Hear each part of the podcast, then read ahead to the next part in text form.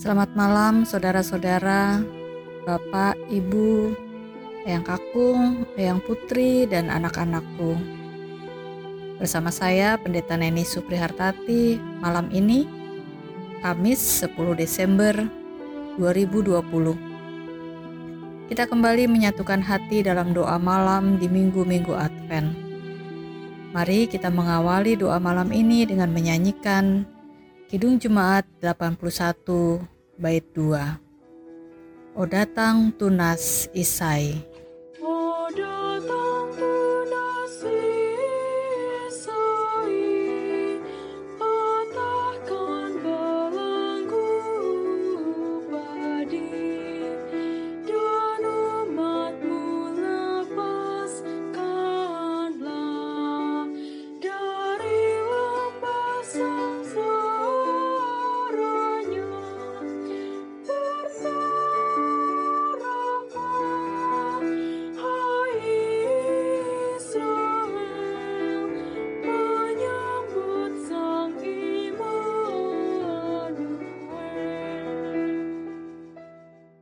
Marilah kita berdoa sebelum kita membaca Alkitab dan merenungkannya. Kita berdoa. Ya Tuhan, kami berlutut di hadapan-Mu, menyiapkan hati dan pikiran untuk mendengarkan suaramu. Roh Kudus-Mu membukakan hati dan telinga kami, berfokus mendengar suaramu dan memahami kehendak-Mu. Bersabdalah ya Tuhan, kami sedia mendengar dan merenungkannya. Amin. Pembacaan Alkitab malam hari ini dari Filipi pasal 3 ayat 7 hingga ayat 11. Filipi pasal 3 ayat 7 hingga ayat 11. Tetapi apa yang dahulu merupakan keuntungan bagiku, sekarang kuanggap rugi karena Kristus. Malahan segala sesuatu kuanggap rugi karena pengenalan akan Kristus Yesus Tuhanku. Lebih mulia daripada semuanya.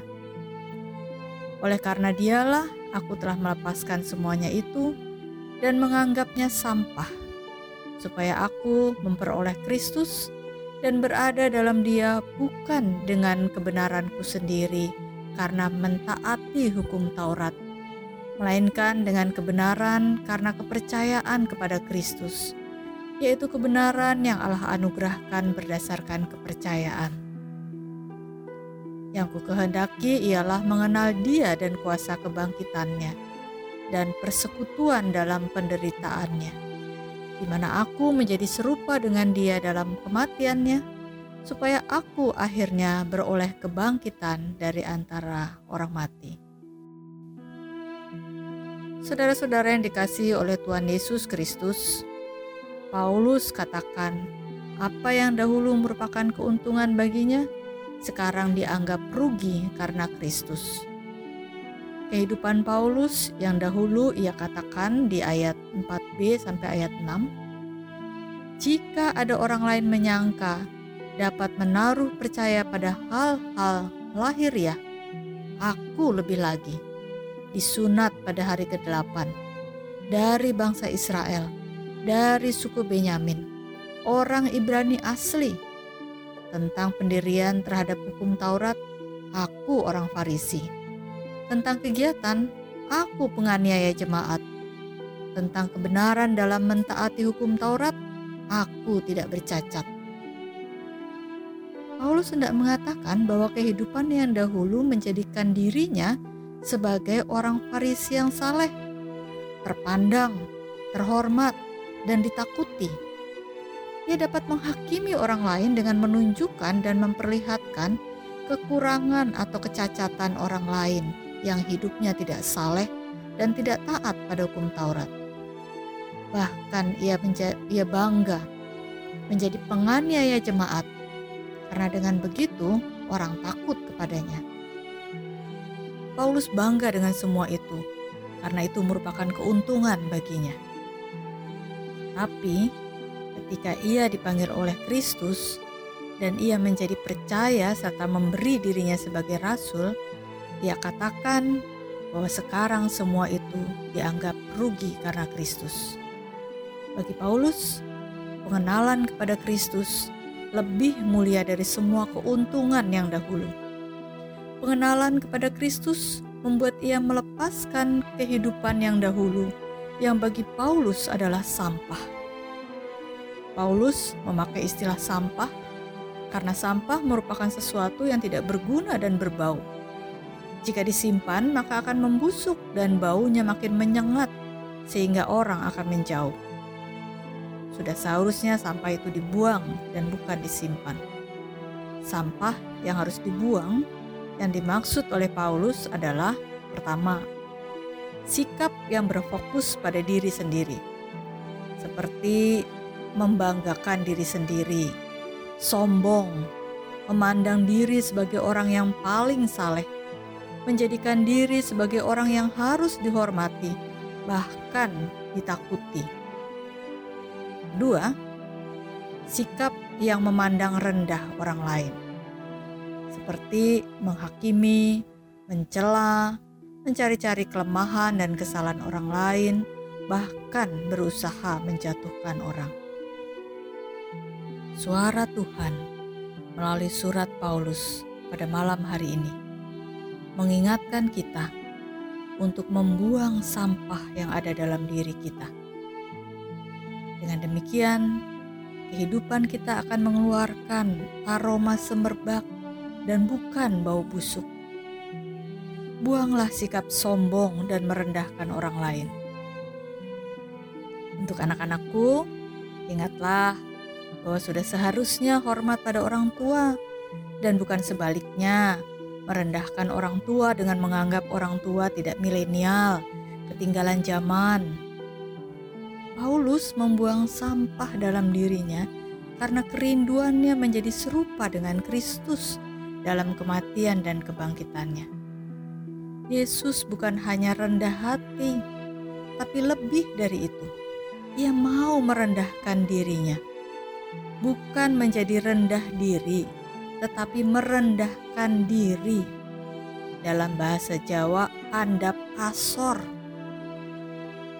Marilah kita menjalani masa penantian, masa Advent, dengan membuang sampah, yaitu membuang kebanggaan duniawi, dengan bersedia hidup merendahkan diri. Amin. Marilah kita berdoa, kita menaikkan doa Bapa kami dengan kita nyanyikan bersama.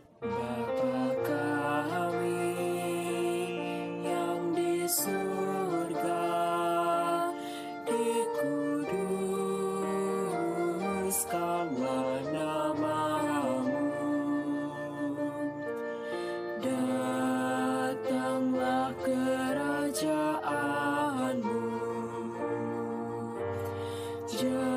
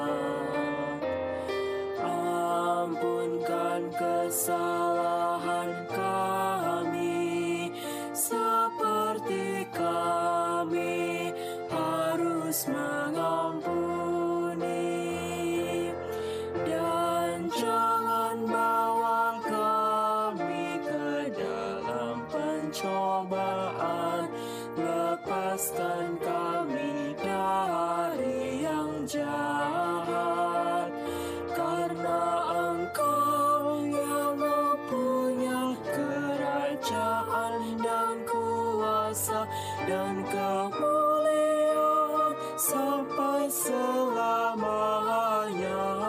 Amin.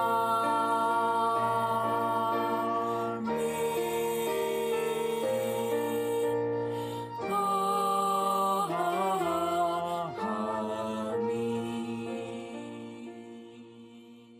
Kita berdoa untuk menaikkan syafaat kita. Ya Tuhan, Allah kami, mampukanlah kami untuk dapat menjalani masa penantian, masa Advent ini dengan benar dan seturut dengan kehendak-Mu. Mampukan kami agar dapat hidup seperti Paulus yang dengan sukacita membuang sampah, yaitu kebanggaan duniawi, dan kami mampu untuk mengikuti jalan hidup seperti Kristus, yang meskipun anak Allah, tetapi mau merendahkan diri hingga mati di kayu salib. Ajarkan kami untuk tidak mencari kehormatan, tetapi mampu menghargai setiap orang. Dengan demikian, hidup kami dapat mengeluarkan dupa yang harum untuk kemuliaan dan kebesaran namamu. Ya Tuhan, kami memanjatkan puji dan syukur kepadamu untuk kesembuhan yang Engkau berikan kepada saudara-saudara kami yang sakit karena berbagai penyakit. Terlebih mereka yang dinyatakan positif terpapar virus corona dan menjalani isolasi. Kini mereka sudah dinyatakan sembuh dan bersih dari virus. Mereka sudah dapat kembali pulang dan berkumpul dengan keluarga. Tolonglah agar saudara-saudara kami tersebut dapat lebih berhati-hati dan menjaga kesehatan lebih baik lagi. Ya Tuhan, kami tidak pernah jemu dan hilang asa untuk terus mendoakan saudara-saudara kami yang terpapar virus corona. Kami paham Tuhan, kecemasan, kekhawatiran, dan kegalauan akan meliputi saudara-saudara kami yang terpapar virus corona. Untuk itu, kami datang dan memohon kepadamu Allah sumber kekuatan dan kesembuhan. Tolonglah ya Tuhan, agar saudara-saudara kami terus merasakan jamahan kasih-Mu melalui dokter dan para medis yang merawat mereka. Jauhkanlah dari mereka rasa cemas dan takut. Buatlah hati mereka tetap gembira, karena hati yang gembira yang dapat mengalahkan segala sakit penyakit. Tolonglah saudara-saudara kami untuk tetap tekun dalam pengharapan akan kesembuhan, dengan kesabaran mengikuti dan menaati segala proses perawatan dan pengobatan yang harus dijalani. Kami mendoakan para dokter dan para medis, berikanlah kesabaran dan tolonglah mereka juga untuk tetap terus menjaga tubuh mereka agar tidak terpapar virus corona. Ya Tuhan, kami berdoa untuk anak-anak kami dalam proses belajar yang harus dilakukan secara online di masa pandemi ini. Anak-anak kami yang tetap harus menjalani ujian yang juga dilakukan secara online. Tolonglah anak-anak kami sekalipun metode belajar yang dijalani saat ini tidak normal, namun mereka tetap memiliki semangat untuk belajar. Kami berdoa untuk anak-anak kami yang mengalami kendala karena berbagai keterbatasan fasilitas, tidak memiliki HP atau laptop atau sarana penunjang lainnya, tidak memiliki dana yang cukup untuk membeli kuota, ataupun tidak mendapatkan jaringan internet dengan baik. Tolonglah mereka agar mendapatkan bantuan untuk bisa mengikuti proses belajar di masa pandemi ini. Kami mendoakan para orang tua yang mendampingi anak-anak dalam proses belajar dari rumah. Kami patut bersyukur, sekalipun dengan berbagai kendala. Namun, situasi pandemi ini membuat kami, para orang tua, bukan hanya menjadi orang tua bagi anak-anak kami, tapi juga menjadi guru di rumah. Proses belajar dari rumah menyadarkan kami, para orang tua, mengetahui dan memahami tidak mudahnya anak-anak kami dalam mengikuti pelajaran. Kami mendoakan para guru yang harus menyiapkan bahan ajar dengan cara yang tidak normal ini. Mereka dituntut untuk menjadi lebih kreatif untuk dapat menyiapkan dan menyampaikan pelajaran secara online. Tolonglah anak-anak kami, para orang tua, dan para guru untuk tetap dapat menjalani proses belajar dan mengajar di masa pandemi ini dengan sukacita. Ya Tuhan, kami berdoa untuk gereja-gereja yang sedang menghayati minggu-minggu Advent dalam keterbatasan karena pandemi. Kami bersyukur masa pandemi tidak memadamkan semangat kami untuk tetap beribadah dan menghayati minggu-minggu Advent dengan baik dan hikmat. Kami bersyukur untuk para anggota majelis gereja kami, beserta dengan panitia masa raya Natal, yang menyiapkan berbagai acara dan ibadah, agar kami tetap merasakan sukacita Advent di rumah kami masing-masing. Ya Tuhan, kami berdoa untuk negeri kami Indonesia. Tolonglah agar seluruh rakyat Indonesia dapat hidup saling menghargai dan bertoleransi dalam keragaman yang kami miliki. Biarlah persatuan dan kesatuan menjadi kerinduan bagi kami semua untuk dapat terwujud di negeri kami tercinta ini. Tolonglah ya Tuhan, agar seluruh rakyat Indonesia tidak saling berjuang untuk mengedepankan kepentingan pribadi atau kelompoknya, tetapi justru dapat saling berjuang untuk membantu menolong, dan bekerja sama. Berkati para pemimpin negeri kami, agar dapat memimpin negeri ini dengan lebih baik lagi. Inilah syafaat kami. Dalam pengasihanmu, kami mohon.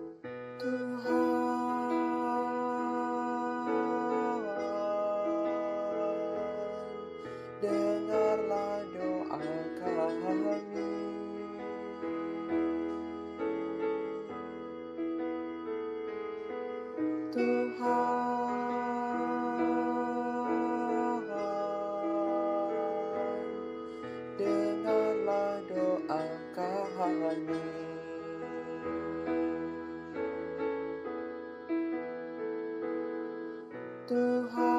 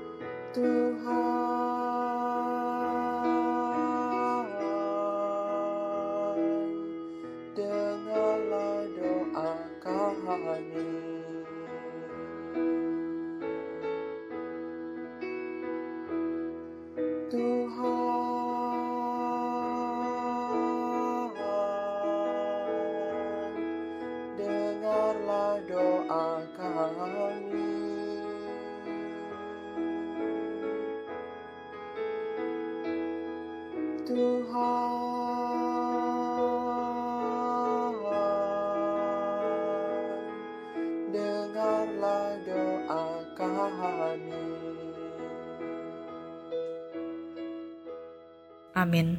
Kembali kita bersama-sama menaikkan pujian bagi Tuhan dari Kidung Jemaat 81 bait 5. Oh Tuhan Allah, datanglah.